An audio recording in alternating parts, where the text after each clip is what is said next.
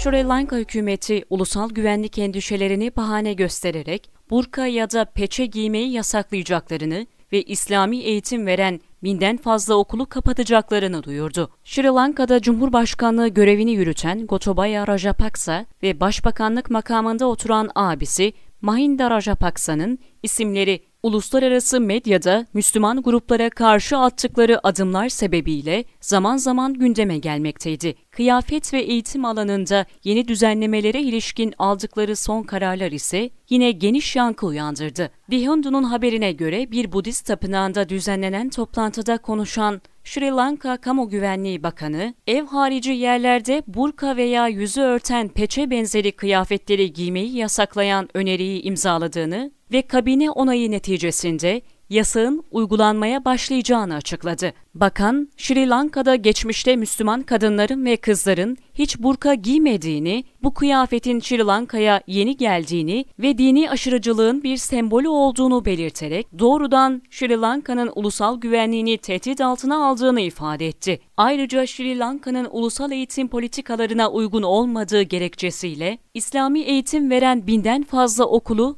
yakın zamanda kapatacaklarını söyledi. Söz konusu okullarla alakalı olarak kimse kendi arzusuyla bir okul açıp çocuklara istediklerini öğretemez değerlendirmesinde bulundu. 13 Mart'ta hükümet kanadından yapılan başka bir açıklamada, şüphelilerin 2 yıla kadar gözaltında tutulmalarına izin veren terörle mücadele yasasının radikalleri deradikalist hale getirmek için kullanılacağı aktarıldı. Mevcut hükümet daha önce de Covid-19 sebebiyle yaşamını yitirenlerin cenazelerini defnetmek yerine yakma kararı almış ve içlerinde 20 günlük bir bebeğin de dahil olduğu yüzden fazla Müslüman cesedi yakmıştı. İlgili yasaya Birleşmiş Milletler ve ülkedeki hem Müslüman hem de Hristiyan gruplar yoğun tepki gösterdi ve geçtiğimiz günlerde karar yürürlükten kaldırıldı. Hayatını kaybeden Müslümanların başkente 300 kilometre uzaklıkta bulunan İranat Hivu adasına götürülerek defnedilmesine karar verildi.